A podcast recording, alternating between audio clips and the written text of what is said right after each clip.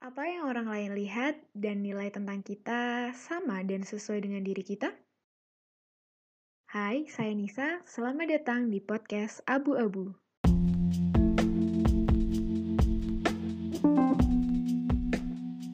Siapa sih kita sebenarnya? Bagaimana sih orang melihat kita? Dan bagaimana cara orang menilai kita? Mungkin pertanyaan-pertanyaan tersebut dapat terjawab dengan ulasan saya mengenai personal branding. Kalian pernah gak sih dengar atau tahu tentang personal branding? Apa sih personal branding? Kayak pernah denger, kayak pernah tahu. Jadi personal branding itu merupakan cara kita memperkenalkan diri kepada publik dengan mengembangkan dan memaksimalkan potensi yang ada dalam diri kita perilaku atau behavior kita, penampilan atau appearance kita, dan value yang kita miliki atau nilai dalam diri kita. Kok bisa sih? Personal branding apa hubungannya sama siapa kita sebenarnya? Dan bagaimana orang melihat kita? Dengan membangun personal branding itu sendiri, kita bisa belajar dan tahu sebenarnya kita itu seperti apa. Di sini saya akan memaparkan beberapa fungsi dari personal branding. Di antaranya, yang pertama yaitu memperkenalkan dan mempertajam citra diri seseorang. Apa sih citra diri itu? Citra diri itu bagaimana cara kita memandang diri kita sendiri. Dengan tahu dan paham akan diri kita sendiri, maka kita akan tahu potensi apa dan kemampuan apa yang kita miliki. Fungsi yang selanjutnya yaitu memudahkan orang lain untuk mengingat kita. Kok bisa sih? Karena setiap individu memiliki ciri khas dan kelebihan yang berbeda. Jadi, apa yang menjadi personal branding kita akan menjadi penanda dan pengingat untuk orang lain. Selanjutnya, yaitu memudahkan untuk menentukan pilihan. Hal ini dikarenakan jika kita sudah tahu apa nih potensi yang kita punya, nilai apa yang kita punya, kita jadi mudah untuk menentukan pilihan tentunya. Karena kita punya patokan dengan apa yang kita inginkan dan kemampuan yang kita miliki. Karena terkadang jika ada orang yang tidak tahu nih sama dirinya sendiri. Akan sulit juga untuk menentukan pilihan karena dia mau apa, keinginannya dia apa, dia nggak tahu. Yang selanjutnya yaitu memfokuskan diri dengan apa yang ingin dicapai. Mengenal diri sendiri itu bisa memudahkan kita untuk fokus terhadap tujuan kita karena kita tahu betul apa yang ingin kita lakukan untuk mencapai tujuan kita dengan kemampuan yang kita. Kenapa sih kita perlu personal branding? Karena personal branding itu bisa dibilang cara kita untuk menunjukkan siapa sih kita sebenarnya tanpa perlu kita ngomong atau mengutarakan kepada orang lain. Apa yang dilihat orang lain itu ya diri kita yang sebenarnya yang ingin kita lain. Jika dilihat dalam suatu diagram, personal branding ini ada di tengah-tengah, irisan dari cara kita memandang diri kita dan cara orang lain memandang. Jadi, kenapa kita perlu memiliki personal branding? Karena jika tepat penggunaannya, personal branding ini bisa mendatangkan kesempatan misalnya dalam perekrutan kerja. Selain itu, personal branding juga bisa membantu kita untuk menunjang karir kita. Karena misalnya nih, kita punya personal branding yang baik, uh, rekan kerja kita atau atasan kita uh, menaruh kepercayaan yang lebih kepada kita. Hal lain yang bisa didapatkan yaitu networking atau relasi. Personal branding yang baik dan menarik akan membuat orang lain ingin berhubungan baik dengan kita dan juga ingin berteman dengan kita tentunya. Jadi istilahnya jika kita punya personal branding yang baik, uh, otomatis orang lain akan tertarik pada kita dan ingin berhubungan dengan kita. Simpelnya kayak gitu. Sebenarnya di mana pun dan kapan pun personal branding itu digunakan untuk menunjukkan siapa kita. Namun personal branding sendiri biasanya dilakukan untuk uh, misalnya mencari pekerjaan atau di lingkungan kantor, lingkungan bisnis, dan di tempat-tempat atau dalam lingkup hal yang melibatkan kita dengan orang lain kayak gitu. Jadi kita udah bahas nih, apa sih personal branding itu apa?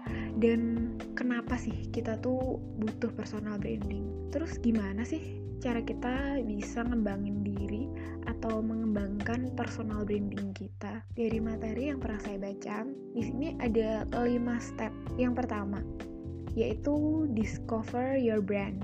Di step ini, jadi kita harus tahu keunikan kita itu apa.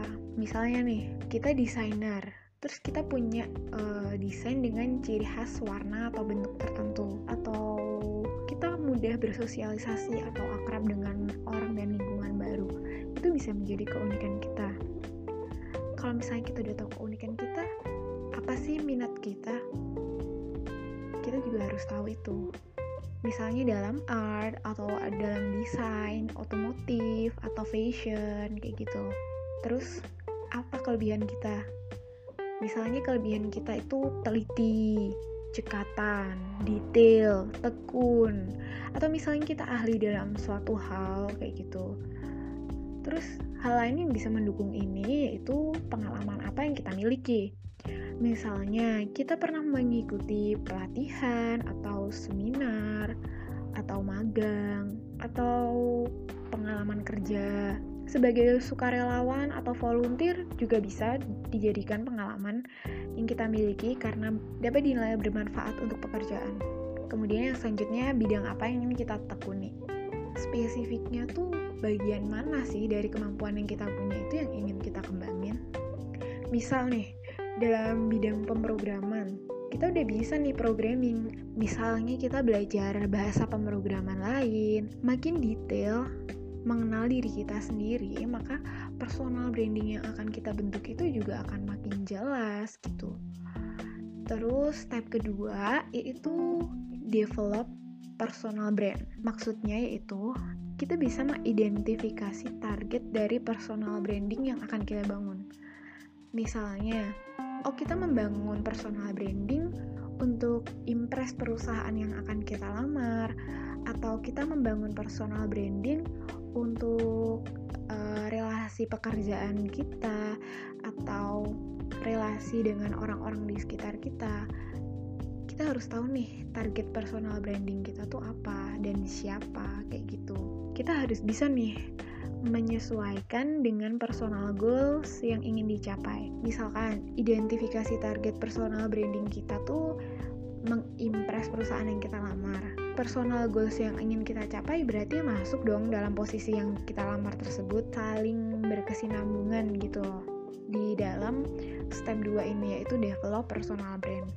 Terus yang terakhir itu tentukan nih bidang karir kamu apa jadi setelah kita tahu target dari personal branding yang akan kita bangun, terus kita harus tahu bidang karir yang ingin kita tekuni itu apa. Jangan kita masuk terus dikasih kerjaan apa aja, kita iya-iya aja. Jadi kita sendiri uh, kesannya tidak tahu apa yang ingin kita kerjakan karena misalnya disuruh ini mau, disuruh itu mau, kayak gitu. Selanjutnya, step 3 yaitu communicate clearly. Jadi bagaimana cara kita menyampaikannya personal branding kita ini. Yang pertama nih, uh, kalau bisa kita punya moto hidup atau tagline. Biasanya tagline ini kita tulisin nih kalau misalnya kita ngelamar kerja gitu kan kita punya CV nah kita tulis tuh di situ moto hidup kita kira-kira apa moto hidup itu nantinya akan semacam mencerminkan uh, apa tujuan kita atau apa hal yang memotivasi kita dalam bentuk kata-kata. Kemudian yang selanjutnya kita dapat menyampaikan apa yang ingin kita utarakan dengan orang lain dengan baik dan jelas. Mengkomunikasikan personal branding kita tidak hanya dalam bentuk tulisan, kita juga bisa mengutarakannya dengan bentuk lisan. Selanjutnya, di step 3 ini kita juga harus bisa menggunakan media yang tepat untuk menunjukkan eksistensi dan pendapat yang kita miliki. Uh, misalnya kita jadi volunteer, nah kita misalnya posting atau kita menunjukkan kegiatan-kegiatan positif yang pernah kita lakukan untuk misalnya untuk memberikan motivasi atau semangat ke orang lain untuk mengikuti hal yang sama dengan kita atau bergabung dengan kita. Kemudian step empatnya yaitu maintain anytime. Apa sih yang kita maintain di sini? Yang kita maintain yaitu jejak digital yang pernah kita unggah. Misalnya seperti posting, like, atau repost, atau suatu hal yang kita ikuti seperti itu. Misal uh, hal lainnya harus kita maintain yaitu feedback yang diberikan kepada kita komentar terhadap sesuatu yang kita posting. Karena feedback itu bisa menjadi koreksi juga untuk diri kita. Kita juga harus membangun konsistensi eh, dari hal-hal yang kita unggah. Dan yang terakhir yaitu mengembangkan diri dengan cara yang relevan yang selanjutnya yaitu spread your brand. Di sini kita menggunakan media yang tepat untuk mengembangkan personal branding kita. Seperti yang sudah saya utarakan tadi, misalnya di LinkedIn atau di Facebook, Instagram, sosial media yang bisa membangun personal branding kita.